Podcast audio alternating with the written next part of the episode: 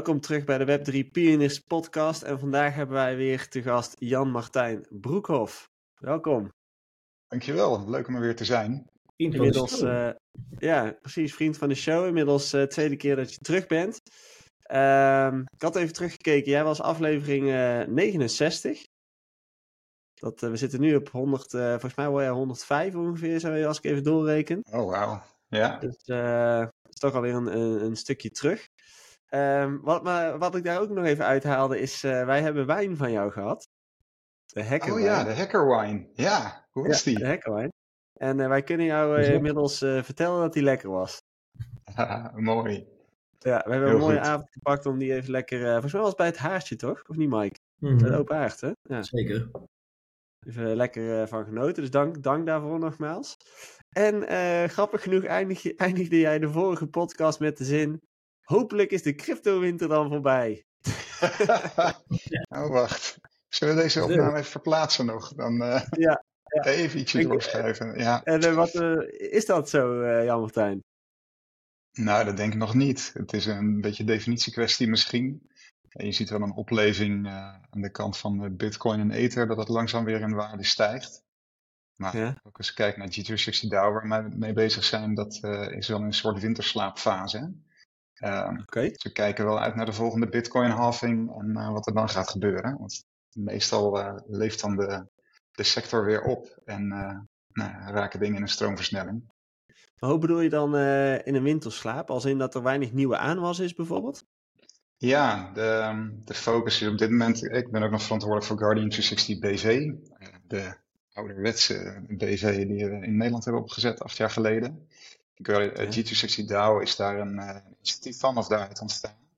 Maar we merken dat uh, crypto, bitcoin, allemaal een beetje in een verdomhoekje zit. Dat mensen ook weinig rendement gemaakt hebben, ook een beetje zat zijn aan al die NFT-ellende.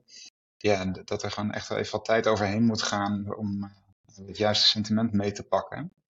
Uh, en ja. dat merken we dus ook om ja, mensen enthousiast te krijgen om mee te, te doen aan G260 DAO, maar ook om te investeren. Mensen zijn toch echt wel terughoudend op het moment. Ja, met, met investeren hoor je uiteindelijk een breder vlak. Hè? Als in uh, het hele investeringsklimaat qua hoge rentes en zo is gewoon uh, redelijk moeilijk op dit moment, blijkbaar. Klopt, um, ja. Wat, ik wel, uh, wat me wel opvalt is dat jij volgens mij de eerste bent die nog een redelijke down is. Want voor iedereen die wij eigenlijk spreken, die zeggen, we are so back. ja, ja. Oké, okay, nou wij nog niet denk ik dan. nou, dat is misschien ook misschien, uh, uh, mijn aard. Ik ben nooit zo heel erg enthousiast of ook nooit zo heel erg pessimistisch. Mm. Uh, dus ik ben nu ook niet heel erg pessimistisch. Ik denk alleen dat het nog wat tijd nodig heeft voordat we echt weer de, ja, de, de golf te pakken hebben. Ja, dus, want, ja, want, want voor jullie is het belangrijk dat er ehm, eigenlijk een nieuwe instroom van eh, hackers waren het volgens mij, hè, vooral. Ja, zeker. Hè? Dus uh, als je kijkt naar G360 DAO, daar we een community van hackers, uh, maar ook investeerders, klanten, uh, systeembeheerders en alle mensen die betrokken zijn bij informatiebeveiliging willen we samenbrengen. Mm. En we merken dat onder hackers dat crypto, als je het hebt over nou, bitcoin en die kant, ja, dat is niet heel populair. Er zijn een aantal mensen wel mee bezig, maar het wordt toch heel snel in het uh, hoekje van nou, oplichterij of uh, alleen criminelen gebruiken het uh, gezet. Je hebt ook Bruce Schneier, een van de nou ja, belangrijke mensen binnen onze industrie die echt wel anti-crypto is. Dus niet cryptografie, maar wel ja. crypto tokens en, en blockchain. Um, dus daar is ook gewoon wat evangelisatiewerk te doen. Um, en we merken ook dat het aan de kant van klanten en ook investeerders, ja, die zitten toch over het algemeen nog in de, ja, in de oude wereld, dat klinkt zo, hè, maar gewoon, ja, ja. ja, die zitten gewoon in de, in de wereld zoals we die kennen in het bedrijfsleven. Ja, ook daar moet gewoon nog een hoop kennis uh, gebracht worden, een hoop ervaring opgedaan worden. Zie je dan ook een, een, een uh, misschien een parallel, want wat je denk ik nu wel ziet, hè, Joey zegt ook van we are so back, maar eigenlijk zie je van, ja, dat klopt. Hè, een, deel van de prijzen is wat aan het, uh, aan het uh, opkabbelen. Je ziet eigenlijk nog steeds dat er geen nieuwe investeerders op dit moment uh, de markt toetreden. Het zijn eigenlijk allemaal de bestaande investeerders die langs de zijlijn stonden of die, die weer terug instappen of hun posities uitbreiden. Kun je dan daar het parallel eigenlijk intrekken met Uh, misschien dus wel uh, nou, de mensen die jij zoekt je DAO, die daarin in meekomen. Er is nog geen eigenlijk echt nieuwe interesse van buiten het ecosysteem dat er nog niet eerder was. En, en ja, dat heeft vaak nog een paar maanden nodig. Ja, kijk, als je het hebt over die investeerders, hè, dan, dan heb je een aantal speculanten die, nou ja, die noemen zich investeerder, maar die speculeren op koers. Uh, en als je kijkt naar de investeerders die echt op de nou ja, blockchain-infrastructuur, uh, DeFi-projecten investeert, ja, dat begint nu langzaam wel weer te komen. Maar ook daar merk je dat, het, uh, dat er terughoudendheid is. Um, en wat mij gewoon opvalt is dat een heleboel wetten van de, de oude zakenwereld, hè, of de huidige zakenwereld, die gelden ook gewoon in crypto. Uiteindelijk gaat het nog steeds over rendement, over een goed businessmodel moeten hebben. Ehm, de, de tijd dat je maar zomaar, weet ik veel, uh, tienduizenden bitcoins gewoon kreeg omdat je een leuk ideetje had. En mensen zeiden van, nou ja, zoek het maar uit, hè, kijk maar of dat wordt. Ik denk dat dat wel achter ons ligt. Dat is misschien ook gewoon een volwassenheidsstap die genomen moet worden. Ja. Um, om er ook uh, voor te zorgen dat de industrie ook als een volwassen industrie gezien gaat worden. En niet als een leuke spielerij voor mensen die bitcoins over hebben. En uh, enorm nou, risico denk, lopen. Ik denk dat je daar ook wel middenin zit. Hè? Als in uh, dat nieuws wat Amdax nou laatst naar buiten gooide ook. Dat we nou die audit hebben gehad. Vrijwillig. Dat ze die zelf hebben aangevraagd om ja. geaudit te worden. Om aan te geven van hey, bij ons is alles veilig en lopen alle processen goed. Ja. ik denk dat al dat soort dingen helpen er enorm bij om de industrie gewoon aan de buitenkant, uh, met de boodschap naar de buitenwereld eigenlijk, uh, ja, gewoon veel degelijker te maken en veel professioneler. Uh, en een veel betere ja. reputatie te geven eigenlijk. Ja, en als je kijkt naar een partij als Crypto.com, die eigenlijk gewoon compliant by default wil zijn, heel veel tijd en aandacht aan gestoken heeft aan het begin, en daardoor uh, een mooie groei doormaakt, denk ik. En aan de andere kant een Binance die uh, heel lang gezegd heeft, nou, we zien wel, en nu toch hard aangepakt ja. wordt. Ja. Uh, ook een SEC hè, die beleggen in Bitcoin nu toch mogelijk gaat maken via een soort rapper. Dus, het heet geen rapper, maar een bepaald type fondsen. Ja, dan, dan wordt het toch ook weer bereikbaar voor de gewone man. Hè, die normaal in goud belegt of ja. een, een mandje Shell-aandelen heeft. En die denkt van, nou, zou ik gewoon even wat in bitcoin doen of zo. Want even ja. voor, voor de helderheid, hè? want uh, dat investeringsklimaat is belangrijk voor jou, omdat jij, jij probeert, ja, dat leg trouwens zelf maar uit, wat probeer je met G60 DAO te doen? Als in waarom zijn die investeerders belangrijk en wat voor mensen wil jij nog meer aantrekken? Oké, okay, dan moet ik even een stap terug maken. Ik, heb, acht jaar geleden heb ik Guardian 360 BV opgezet. En we zijn een Nederlandse softwarepartij. We hebben een platform ontwikkeld waarop we een heleboel informatiebeveiligings- en compliance inzichten bieden. En die software die zetten we via partners in de markt. En daarmee bedienen we een aantal eindklanten in Nederland, België, Duitsland en ook in andere landen. Een van de uitdagingen die we hebben als organisatie is dat er gewoon een groot tekort is aan ethisch hackers. Hè? Dus uh, OSCP-gecertificeerde ethisch hackers, uh, mensen die gewoon systemen uit elkaar kunnen trekken en uh, dan kunnen gaan adviseren hoe je dat uh, beter kunt beveiligen. Daarnaast is er ook een groot tekort aan... Sorry, ga je gang. Misschien even voor de duidelijkheid, de ethische hackers, dat zijn eigenlijk de mensen die wel de skills hebben om dingen kapot te maken, maar dat eigenlijk dus niet bewust kapot maken, maar onderzoeken hoe het kapot gemaakt kan worden om het vervolgens te dichten. Ja, ja, ik zeg het eigenlijk al verkeerd, hè, want je hebt hackers en criminelen. Uh, je hebt ook geen ethische slagers en uh, criminele slagers. Um, ja. Dus je hebt hackers, dat zijn mensen die gewoon in de basis nieuwsgierig zijn hoe dingen werken, hoe je een systeem op een andere manier kunt laten werken zo, zoals het niet bedoeld is. Maar hebben daar geen slechte intenties mee. En je hebt aan de andere kant de criminelen die uh, ransomware verspreiden, waar we last van hebben.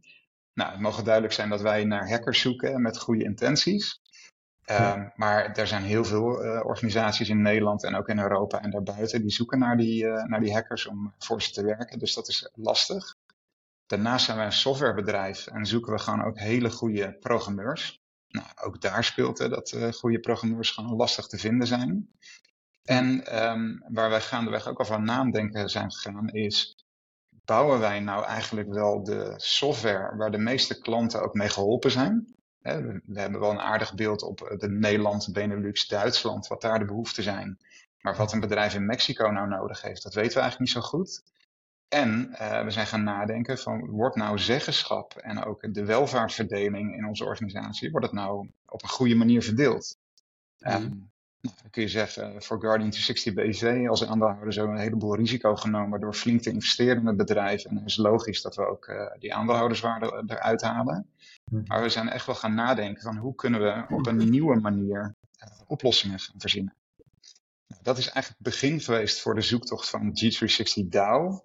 En wat we met de DAO willen bereiken is dat hackers, programmeurs, klanten, eh, maar ook investeerders en andere belanghebbenden samen gaan werken aan echte of nou ja, impactvolle informatiebeveigigingsoplossingen.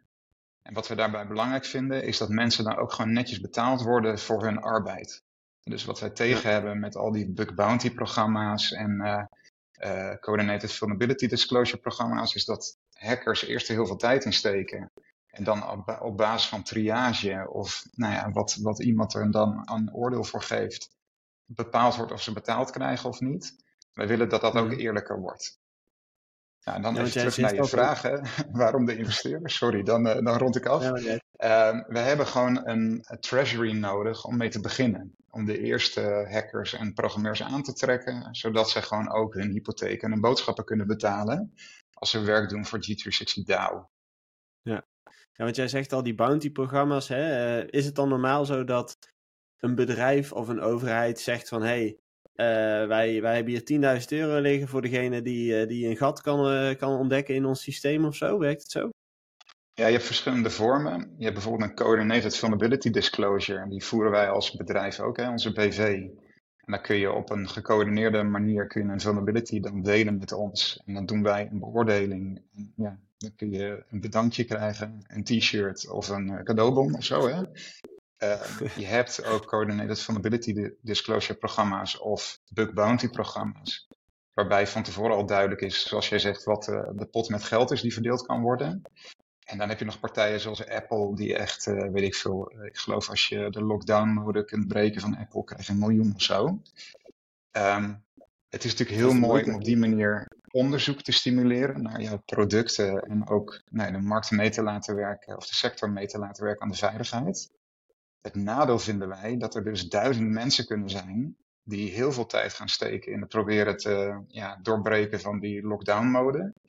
Eh, en dat het uiteindelijk aan Apple is om te bepalen wie dan het geld krijgt. En ondertussen, ja, zo'n hacker die moet toch ook een keer zijn hypotheek betalen of boodschappen doen. Dat, Ja, want in dit, in dit geval is het dan een winner takes all idee. Hè? Dus er is één Ja. persoon die, die, de, die de kraak maakt en die krijgt die miljoen. Maar die andere, laat zeggen, duizend hackers die je hebt lopen proberen en misschien wel hebben bijgedragen in een bepaalde manier op, op Reddit of weet ik veel wat. ja, ehm, die, die pissen naast de pot. ja, die hebben uiteindelijk wel waarde geleverd. En ehm, nou ja, Apple is dan een extreem voorbeeld, hè, waar- waarbij de condities misschien van tevoren wel echt eh, goed duidelijk zijn. Eh, het is ook heel ingewikkeld en mensen die daaraan gaan werken, die weten ook wel dat het een prestigeproject is en dat er maar één kan winnen. Maar als je kijkt naar de meer algemene bug bounty programma's, ja, dan heb je gewoon, weet ik veel, eh, tien hackers die ongeveer tegelijkertijd dezelfde kwetsbaarheid vinden. Ja. Hebben er dus alle tien tijd in gestoken en maar eentje krijgt het geld.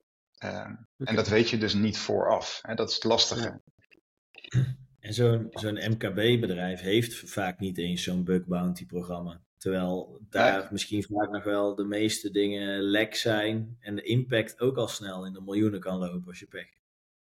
Ja, en dat, en dat zie je natuurlijk nu ook met nieuwe wetgeving zoals de NIS 2, dat ook de, de ketenaansprakelijkheid en de ketenafhankelijkheid wordt ook steeds meer duidelijk gemaakt. Dus eh, organisaties die eh, essentieel zijn in Nederland, maar ook in Europa, die moeten gewoon bepaalde eisen gaan voldoen. Maar die gaan die eisen ook weer doorleggen naar hun leveranciers. En zo gaat er een hele keten ontstaan en gaan we uiteindelijk ook al die MKB'ers gewoon ermee te maken krijgen.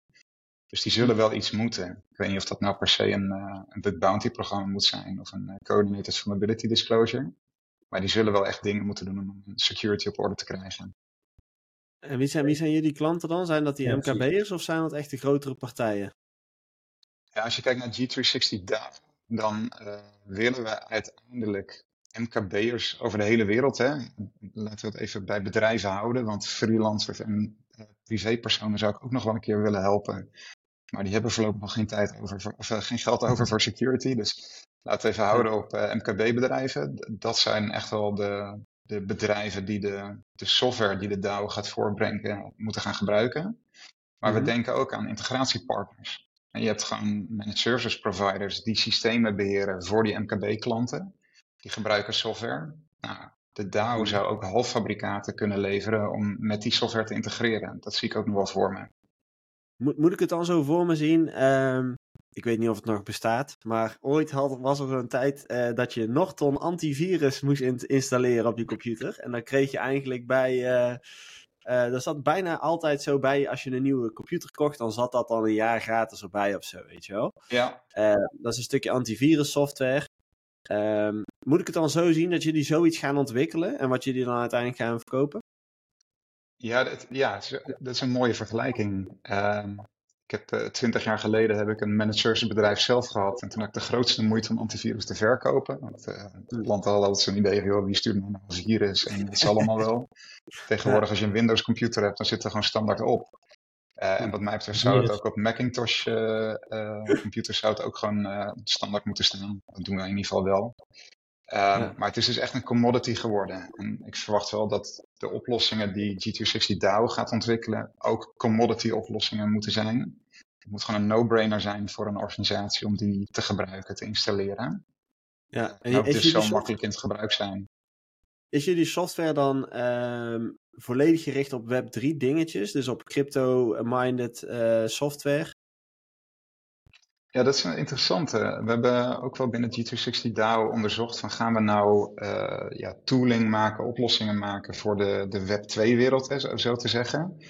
Of gaan we gelijk de kant op van eh, smart contract auditing en eh, dat soort dingen. Mhm. Ehm, daar, ja, dat moet uiteindelijk de DAO ook zelf gaan uitmaken. Hè. Het is in die zin ook gewoon een, een democratie. En eh, als iemand dat ter stemming brengt en zegt we willen meer focus op de Web3 kant eh, en eh, nou, het quorum wordt gehaald en de meeste mensen zeggen we gaan dit doen, nou, dan gaan we die kant op. Ja. Ehm, ik denk wel dat als je kijkt naar de verdiensten, ja, dan is dat ook weer een vrij kleine pool waaruit je kunt putten. Hè? Er zijn niet zo heel veel Web3-projecten als je het vergelijkt met die nou ja, ouderwetse Web2-wereld, Mhm. waar gewoon nog zo ontzettend veel te doen is op het vlak van informatiebeveiliging.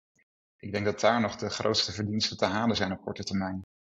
Zijn er eigenlijk veel bedrijven die zich hiermee bezighouden in, eh, in eh, Web3? Ehm, nee, eh, er zijn er wel een paar. Hè. Als je kijkt naar Cantina bijvoorbeeld, die ehm, is volgens mij ook dit jaar of eind vorig jaar of zo gestart. Ehm, je hebt wel wat bug bounty programma's en, en als je het vergelijkt met eh, hoe de industrie, eh, de informatiebeveiligingsindustrie in de nou, meer traditionele wereld eh, geëxplodeerd is de afgelopen jaren. Ja. Zover is het nog niet binnen Web3. Maar dat gaat Ja. vast komen. Ja, dat is natuurlijk een vraag-aanbod verhaal. Hè? Als in heel veel Web2 applicaties worden inmiddels gewoon gebruikt door iedereen. Dus dan is er ook automatisch meer vraag naar eh, antivirus eh, dingen, zeg maar. Ja, en ook hè, de, de drang naar compliance, ook in, de, in die cowboy Web3-wereld, ja, dat wordt steeds minder cowboy en toch steeds meer gereguleerd. Dus Ja. dan moet je ook gewoon dingen op orde hebben en je moet aan kunnen tonen dat je het op orde hebt. Ja. Eh, en dus ontstaan er allerlei dienstverleners, allerlei eh, aanbieders van producten die je daar dan weer bij helpen. Waar ik wel be- be- benieuwd naar ben, hè. ehm, laatst was er een, eh, een behoorlijk significante eh, lek bij Ledger. Heb je dat Mhm. meegekregen? Ja, ik heb er niet in verdiept, maar ik heb het wel gezien op, eh, op X, moet ik tegenwoordig zeggen. Inderdaad. Maar heb jij, hoe, hoe kijk jij daar dan naar? Want dat- dat zijn hardware wallets. ehm, Mhm. Waar zo'n, ja, ik weet het ook niet precies, ik ben niet zo technisch, maar er zat een lek in de, hoe noem je dat? Eh, Volgens mij in de, in de connector waarmee je met eh, die apps eh verbond of zo. Ja, zoiets. Maar goed, ik weet, ook, weet het technische niet vanaf. Maar hoe kijk je daar dan naar van een afstand wetende wat jij weet? Nou ja, kijk, het begint ermee dat elk, elke software eh, is gewoon kwetsbaar. En dus ook binnen Guardian 360 BV leven wij in de veronderstelling dat we gewoon een keer een incident meemaken. En dat, dat is, de kans is 100%. Ehm, de impact, die proberen we zoveel mogelijk te beperken door allerlei maatregelen te treffen om nou ja, eh, de- het, het incident zo lang mogelijk uit te stellen. Maar ook om het zo snel mogelijk te weten en ook de impact uh, te verlagen door, weet ik veel, versleuteling, segmentatie, uh, gaan uh, je data op een goede manier behandelen en dat soort dingen allemaal. Mm. Als je kijkt naar Ledger, ja, dat is niet anders. Hè. De, daar is gewoon een stukje gebruikersgemak is er op een gegeven moment ontwikkeld. Nou ja, dat heeft risico's in zich en iemand heeft gevonden hoe je dat kunt uitbuiten. Ja. Dat is gewoon een fact of life. Ik, ik weet niet hoe ze daar verder mee omgegaan zijn daarna ik denk dat zij gewoon een stukje damage control zijn gaan doen en de impact uh, zo minimaal, ja, zo laag mogelijk wilden houden. Ja. Maar dit is altijd die... Sorry, ga je gang. Nee, wat, wat ik wel bizar vind is dat jij zegt dat de, de, de kans eigenlijk 100% is. Als in, er gaat dus sowieso iets gebeuren in de toekomst waarin nou ja, elk bedrijf dus wel een keer tegen iets aan gaat lopen. Uh, ja. Waarin je of gehackt wordt, of er zit een lek in, of wat dan ook. Ja, weet je, kijk, als het gaat om software, in elke software zitten gewoon bugs. En uh, als je kijkt nu naar software tegenwoordig, uh, die software is niet meer 100% geschreven door het bedrijf die het uitgeeft.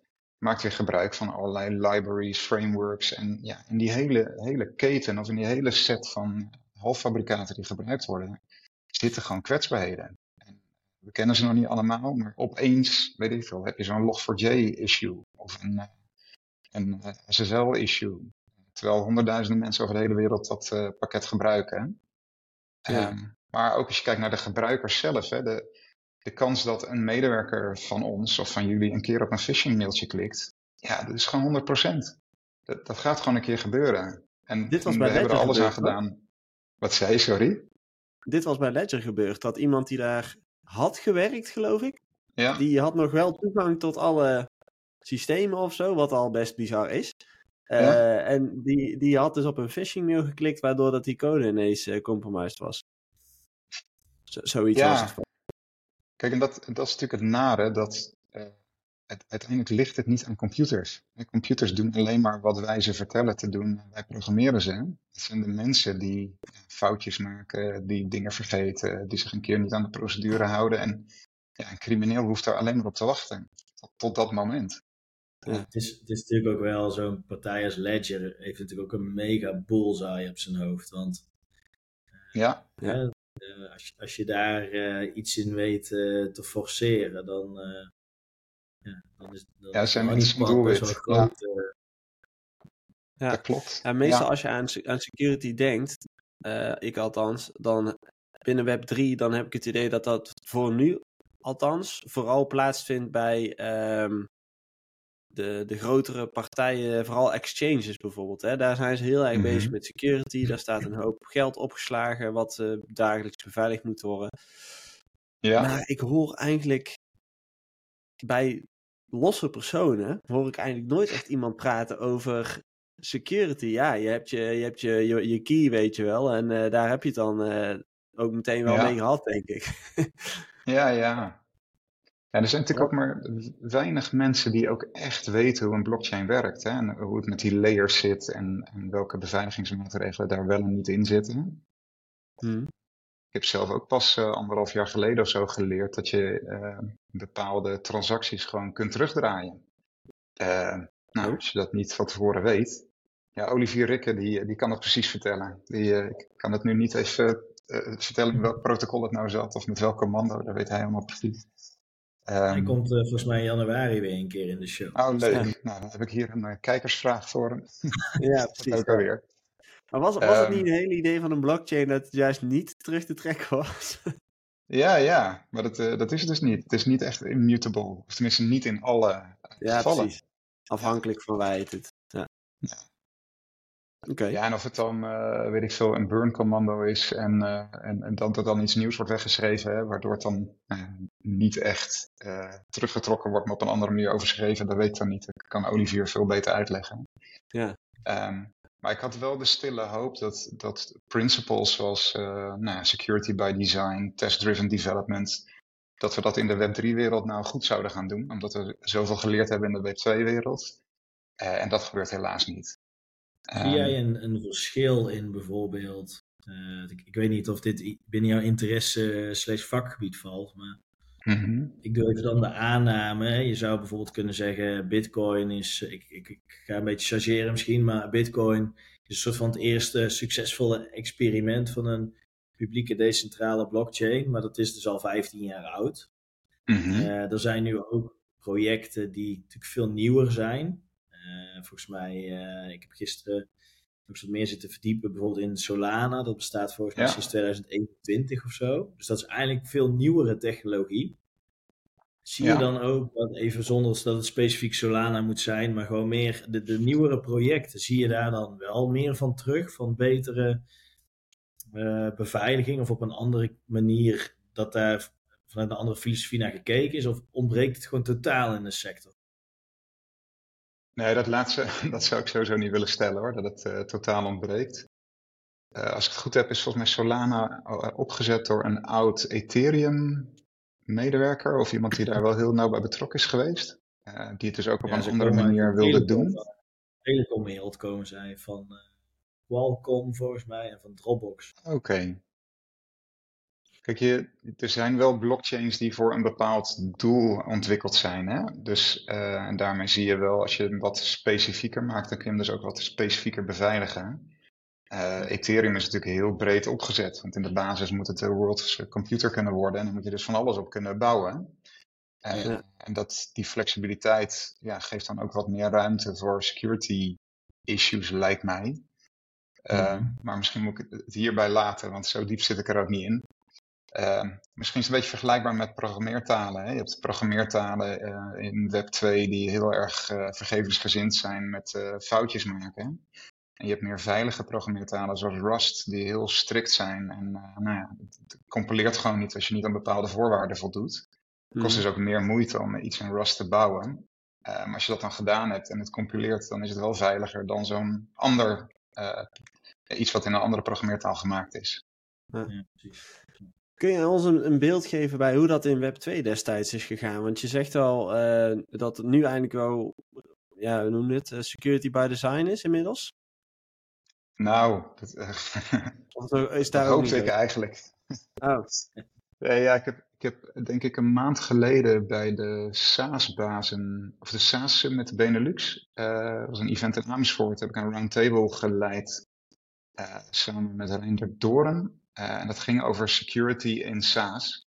Eh, en wat ik toen merkte is dat heel veel SaaS-ondernemers, dus mensen die webapplicaties bouwen, SaaS-platformen, die gaan pas over security nadenken op het moment dat een klant vraagt van, joh, ben je ISO gecertificeerd? Of uh, waarom heb je geen multifactor authentication? In plaats van wat ik hoopte, dat ze zouden zeggen: joh, het is gewoon een permission to play. We, moeten dit gewoon op orde hebben en natuurlijk doen we dit. Ja. dus daar is ook nog gewoon een weg te gaan.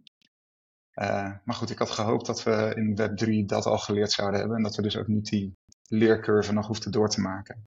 Maar goed. En heb, heb jij een idee waarom security altijd zo'n ding blijft? Want nou ja, zelfs in Web 2, wat toch al wel, uh, laat zeggen, 20, 25 jaar lang uh, dat ze daarmee bezig zijn om dat te bouwen. Ja. Um, security blijft een beetje zo'n zo'n blok aan het been van mensen of zo. Ook als je kijkt naar particulieren, dat niemand wil Ja, er eigenlijk ja. over nadenken. Uh, terwijl, ja. Ja. als het dan gebeurt, dan is het ineens, oh ja, uh, dat had ik dan maar gedaan. Wat, wat, heb Het je is, een idee eh, van wat dat is?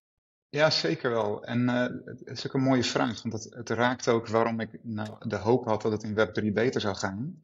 Als je kijkt naar het huidige internet, dat is natuurlijk nooit bedoeld om zo uh, ontzettend essentieel te worden in deze vorm voor de hele maatschappij.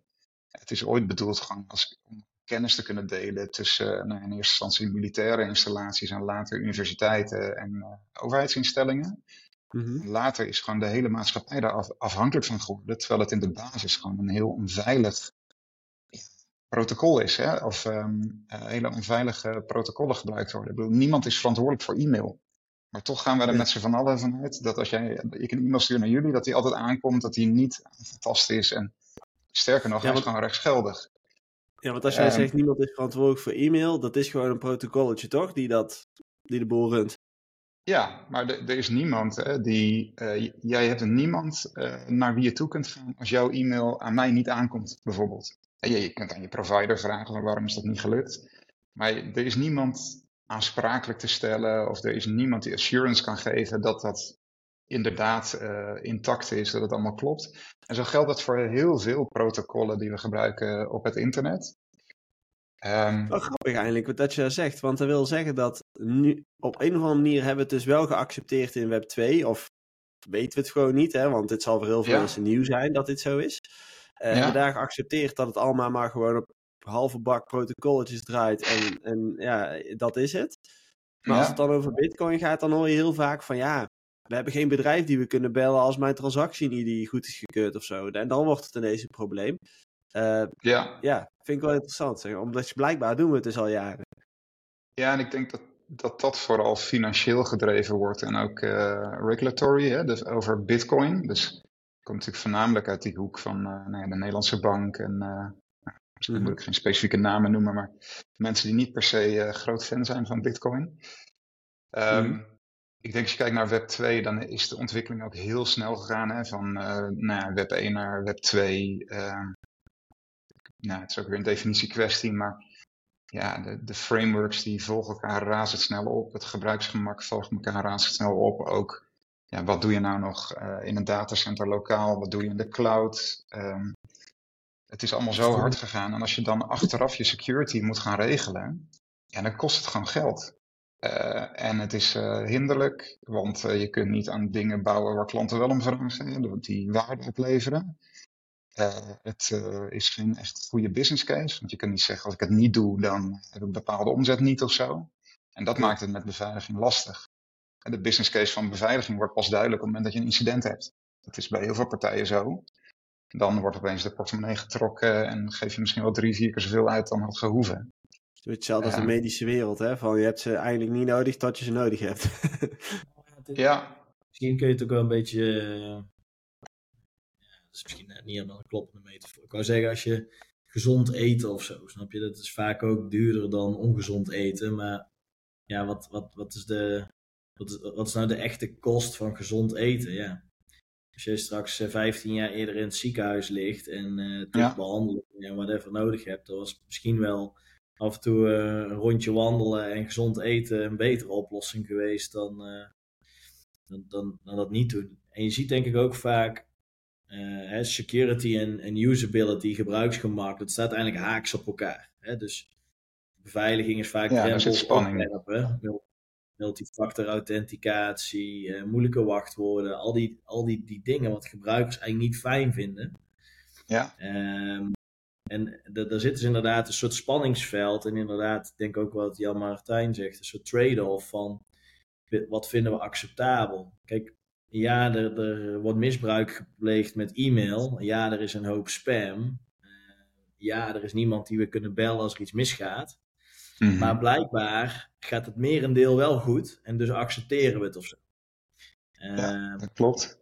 contactloos betalen, ja, dat is ook minder veilig dan met je bankpasje en, en zo'n identifier en elke transactie. Maar ja, goed, dan ga je eh, op je OV-paal, eh, als je het centraal station inloopt, ga je dat niet doen. Ja. Dus Nee, dat ja, klopt. Ja, dan dan hebben ze liever dat een percentage een keer meldt van hé, hey, eh, ik heb een onterechte transactie en dan eh, hop, komt die terug. ik denk en ook en dat hoe zie jij dat dan? Ja? Nee, ik denk dat het ook raakt dat we als mensen gewoon ook niet in staat zijn om te overzien wat het effect op langere termijn is. Eh, dus eh, ook nu, hè, na deze podcast, eh, dat- zullen mensen zijn die zeggen, ja, oké, we worden dan een keer gehackt. Eh, ik heb geen idee wanneer dat is en wanneer de, de impact is. Dus ja, wat, wat moet ik dan nu doen? Hè? Of hoeveel geld moet ik dan nu investeren om dat risico straks gemitigeerd te hebben? Is het wel zo erg? Gaat het wel zoveel geld kosten? Je kunt het ook gewoon lastig overzien. Nou, Ja. ik, vind wel, ik vind wel heel, ehm, ook uit eigen ervaring, dat vond ik ook de vorige keer aan ons gesprek wel leuk, dat ik denk dat, dat een vraag die mensen zich wel, ondernemers zich meer mogen afvragen, inderdaad, ga er maar gewoon vanuit dat je gehackt wordt, maar wat, Mhm. wat is de impact en hoe snel ben je weer online? En ehm, dit is dan misschien nog, eh, hè, dan ga je eigenlijk uit over criminele activiteiten. Dus je bent gehackt eh, en dat, je hebt echt serieus schade. Wat Ja. ik bijvoorbeeld een paar weken geleden had, is eh, ik kreeg een mailtje van Google Workspace. Dat je, je, je account zit vol, mijn storage, mijn opslag. Dus ik moest mijn user up, upgraden. Gewoon Mhm. normaal. Dus ik upgrade die user. Nou, vraag me niet hoe ik het voor elkaar heb gekregen. Maar er ging dus gewoon iets corrupt in mijn account. Mijn hele Google Oh. Workspace heeft 16 dagen offline gelegen. Helemaal niks deed Ja. het, alleen Gmail. Ja, dan ben je gewoon de pineut, hè? Ja, En, dan heb je eh, gewoon niks. Ja, In dit, geval- in dit geval was het een eh, account met eh, twee users erin. En dan was het nog wel te overzien. Want het enige wat het nog deed was Gmail. Als bij een grotere organisatie van ons eh, gebeurt eh, met honderden medewerkers. Ik heb letterlijk tegen eh, Google gezegd: zeg maar wie, welk ticket ik moet escaleren of welke SLA ik moet afnemen. ja. Om dit nu gefixt te krijgen. Maar zij zeggen gewoon: Mike, dit is een global issue. We hebben het. Huh? eh, Druk je even een knop, Mike, het of niet? opeens, maar Waarom komt er ineens vuurwerk achter jou? Mooi. Wat is dit? ja. Druk jij iets of zo? Dan ga ik ook zoeken naar effecten. Is dat Ja. niet kon? Je zag het, hè? Ik zat met mijn handen in de lucht. Ik deed Ik vond dit heel bijzonder. Oké. Maar, eh, maar Google zei gewoon tegen mij: van ja, dit is een. eh, eh, de engineers erkennen het probleem. Het is iets wat gewoon in de, de, de globale uitrol zit. Dus deze bug zit in, in alle Google-accounts. Dus dit zit op het hoogste niveau. Duurt het nog Ja. steeds, gewoon nadat ze daar pas achter waren, gewoon tien dagen of zo voordat het gefixt was. Dat is Ja, dus echt compleet onacceptabel als jij een grote club bent. Dus een backup hebben van jouw hele Google Workspace omgeving ja. offsite buiten Google, want ik weet dat ze bestaan, dat je ook snel kan doormigreren naar Microsoft of zo eh, met alles wat je Mhm. doet. Dat Ja. is op zo'n moment een, s- een serieus een optie als jij heel veel medewerkers hebt die allemaal eh, met handjes in de lucht zitten. Zeker. Ja. Zeker. Kijk, uiteindelijk, informatiebeveiliging gaat over de beschikbaarheid, integriteit en vertrouwelijkheid van data. En, en heel vaak als het over informatiebeveiliging gaat, wordt alleen maar gekeken naar ransomware en datalekken. Maar dit, hè, dus de beschikbaarheid van jouw data was gewoon in, in het geding. Eh, en dat kun je inderdaad met zo'n backup kun je dat eh, eh, voorkomen. En niet dat Google eruit ligt, maar je hebt dan een alternatief om toch met je data door te kunnen. Eh, Ja. dus dat is een hele mooie maatregel die helemaal niet zo heel duur is. Hè? Dus uiteindelijk, je hebt nu gemerkt wat het jou kost als je 16 dagen niet kunt werken. Nou, eh, ik denk dat je het niet erg zou vinden nu om eh 100 euro zo uit te geven voor online backup eh, elke maand. Hè, om dat dan te voorkomen in de toekomst. Volgens mij kost het. Zo zijn er... Wat zei je? Volgens mij is het niet eens zo duur. Het is een paar euro. Nee, ja. Ja. Het ligt inderdaad aan hoeveel data je hebt. Maar ehm, Ja. vaak zit het ook in dat soort hele eenvoudige oplossingen. En het lastige in onze industrie, hè, de informatiebeveiligingsindustrie, vind ik ook dat er allerlei nieuwe spelers komen met next-gen AI, weet ik veel wat oplossen. En denk, ja, maar wat doe je nou eigenlijk echt? En, en- welk probleem los je nou echt op voor zo'n eh, voor zo'n organisatie? En heel veel MKB-organisaties hebben de basic niet eens op orde. Hè, dus inderdaad, backup, multifactor authentication, gewoon endpoint protectie. Gewoon, dat, is, dat is of gratis of tientjeswerk. Nou, dat was eigenlijk inderdaad nog een vraag die ik had. Hè? Want jij, jij benoemde al, eh, eigenlijk alle dingen die fout gaan zijn menselijke fouten. Want computers maken geen fouten.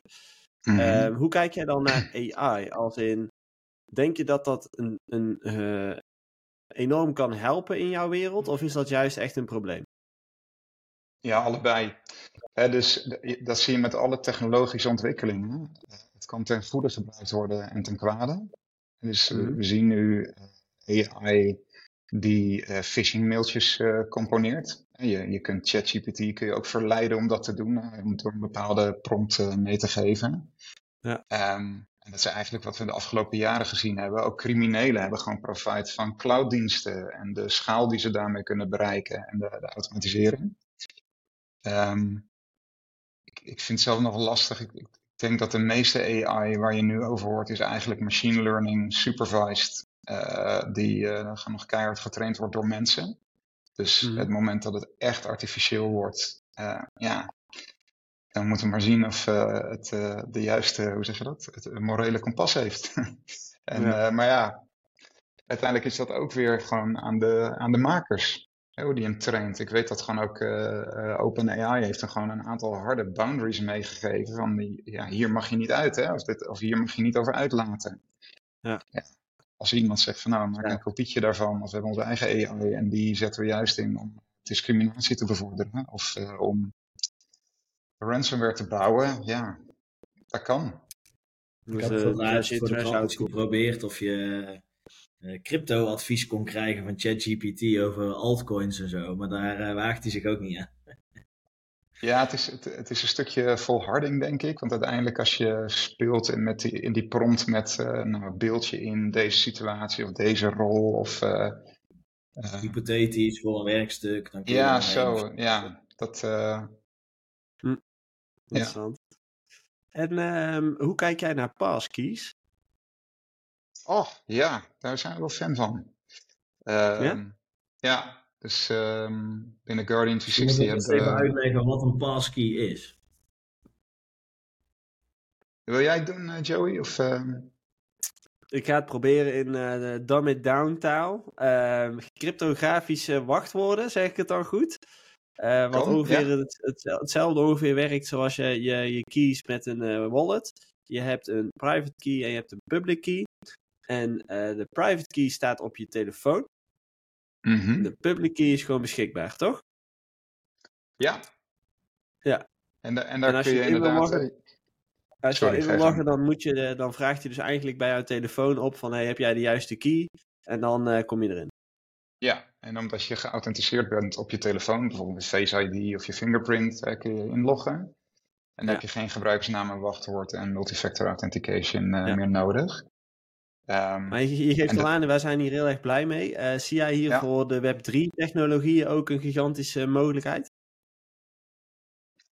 Ja, ik denk in zijn algeheel, eh, algeheelheid, hè, dus in Web 2 en Web 3. Ehm, kijk, een van de redenen waarom security zo lastig is, is omdat we het zo lastig gemaakt hebben. Hè, dus we hebben gebruikers lastig gevallen met de unieke wachtwoorden, zo vaak wijzigen, eh, password managers, multifactor authentication. En het gebruikersgemak wordt daar gewoon minder van. Dus als je dat kunt vervangen door, nou, ik eh, eenmalig eh, eh, authenticeer ik me bij een service hè, of een, een blockchain of in een wallet. dan wordt bevestigd dat ik inderdaad Jan Martijn ben. En voortaan heb ik alleen maar mijn fingerprint nodig om in te kunnen loggen. Ja, dat is echt een mooie, een mooie Ja. zeg dat, drempelverlagende maatregel die nog steeds secure is. Of zo secure mogelijk is. Ja, Ja, het enige is natuurlijk wel, maar ja, dat was daarvoor denk ik ook al wel. Hè. Stel, iemand wil je echt iets aandoen, dan hoef je alleen maar even de telefoon voor je gezicht te houden of je vinger erop te leggen. Eh, en je Ja. hebt ineens toegang tot alles. Ehm, ja, dat klopt. Maar als iemand met een pistool voor me staat en zegt, joh, wil je even inloggen in je password manager, dan grote kans. Ja, Ja. Nee, ik denk, ja, ik denk dat, ook dat eh, dat iets is wat je niet gaat elimineren. Dan kun je misschien Nee. alleen maar drempels inbouwen. Ik denk, Ehm, maar vanuit technisch aspect zeg jij, ja, dit is echt, een- echt een super, eh, super uitvinding. Ja, ja, super. Dat klinkt zo gevaarlijk, maar wij zijn er wel enthousiast over, ja. Eh, en net zoals dat we ook eh, binnen Guardian 60 echt wel goed aan het kijken zijn van, moeten we nou zelf de enige identity provider zijn voor gebruikers in ons platform, of gaan we ook gaan koppelen op Azure AD en de lokale AD van onze partners en klanten? Mhm. Dat voorkomt dat ze weer extra credentials nodig hebben voor ons platform. Eh, en je kunt ook tegen een partner of een klant zeggen, joh, als iemand bij jullie niet meer in mag loggen, dan is gegarandeerd kan die ook niet meer in ons eh, systeem inloggen. En dan voorkom je dus zo'n ledger situatie waar jij het net over had, Joey. Ja, precies. Ja, Oké. Dus, dus mooi. denk ik ook wel dat, ehm, hè, dat, dat is misschien dan wel een beetje technisch, maar kijk, op dit moment, eh, zeg maar, de, dus als je werkt zonder passkeys, dan sla je eigenlijk nog steeds altijd je wachtwoord op bij de derde partij. Dus als jij bij eh, Gal, eh, Gal een Ja. account hebt, dan heeft Gal en Gal jouw wachtwoord. Alleen klopt. als het goed is, Ja. weliswaar cryptografisch versleuteld.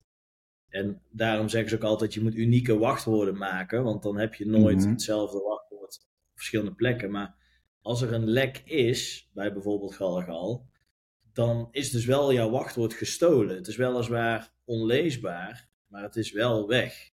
En wat je eigenlijk ziet is, is ja, computers worden steeds sneller, er zijn steeds meer hacks. Niet iedereen is zo slim om overal een ander uniek wachtwoord te hebben.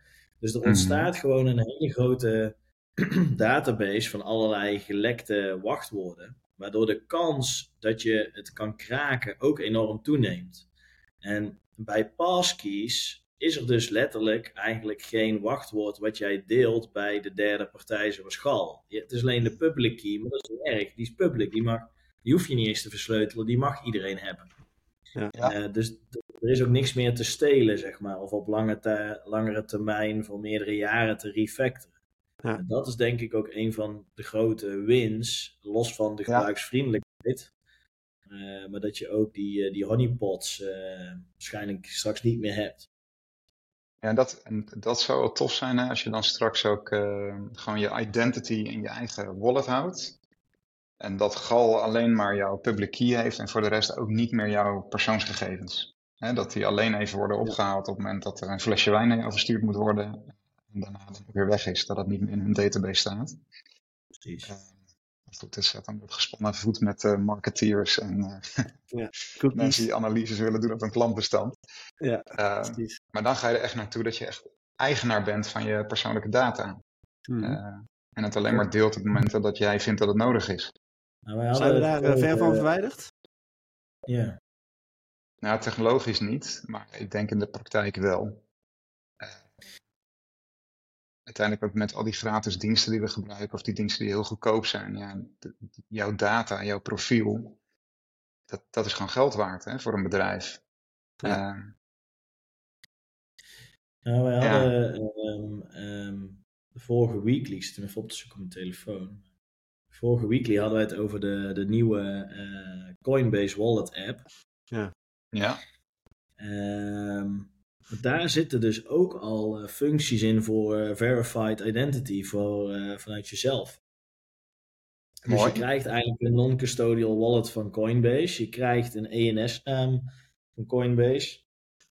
Je kunt er eh, crypto assets in opslaan. Je kunt er NFT's in opslaan. Er zit secure messaging in via dat eh, wat is het, XMTP-protocol. Mhm. Er zit, en, en er zitten dus ook eh, verified identity componenten al in. Dus ja, wij hadden het vorige week een beetje over dat dit voor mij al begint te neigen richting de killer app, om het zo maar te zeggen, voor Web3. Want het ziet er ook echt goed uit. Het is best wel gebruiksvriendelijk. Ja, ik denk als je die, die passkeys verder terug eh, doortrekt. eh, en volgens mij is Big Tech best wel eh, aan, het, ja, aan promoten om dat te doen. Eh, Zeker, ja. Ja, misschien is, het, is de stap al dichterbij dan, eh dan zijn we er al. denk ik. Hoop het. Ja, mooi. Aan Nou, het Ehm, gebruiksgemak eh, wordt inderdaad hard gewerkt, dus dat is mooi. Ik zit te denken als Elon Musk eh, maar niet gaat opkopen en integreren in X. Want die wil toch ook de, de Everything app eh, hebben? Ja, die, moet, die moet gaan opschieten, dacht ik wel toen ik die Coinbase Wallet app zag. Ik dacht, die is wel Ja. echt, eh, echt nice. misschien is hij ook wel mee bezig, wie weet. Wel Martijn, ik wil jou eh, bedanken voor je tijd weer vandaag. En eh, voor de uitleg over eh, G360 DAO. Ik vind het een mooi initiatief wat je doet. En eh, ik hoop dat de interesse weer aantrekt de komende tijd. Als, de, als alles weer een beetje aantrekt in de markt, zal dat automatisch gok ik wel weer komen. Dat zie je meestal wel, Ja. hè, wat je ook zei. Ehm, ja, en tot die tijd, dankjewel voor je verhaal. En we zien je graag over een tijd weer terug om weer een update te krijgen over hoe het is in security land. Leuk. Hey, dank jullie wel. Ik vond het een leuk gesprek. Ook, eh, om toch ook weer de algemene security te raken. Dat is ook gewoon bijzonder relevant. Dus eh, Ja. dank eh, dat jullie mij weer eh, dat, uitgenodigd hebben. Dat ik weer het gast bij jullie mocht zijn. En eh, nou, wie weet tot de volgende keer. Yes, Dankjewel. dankjewel. Alright. Tjus. Hoi.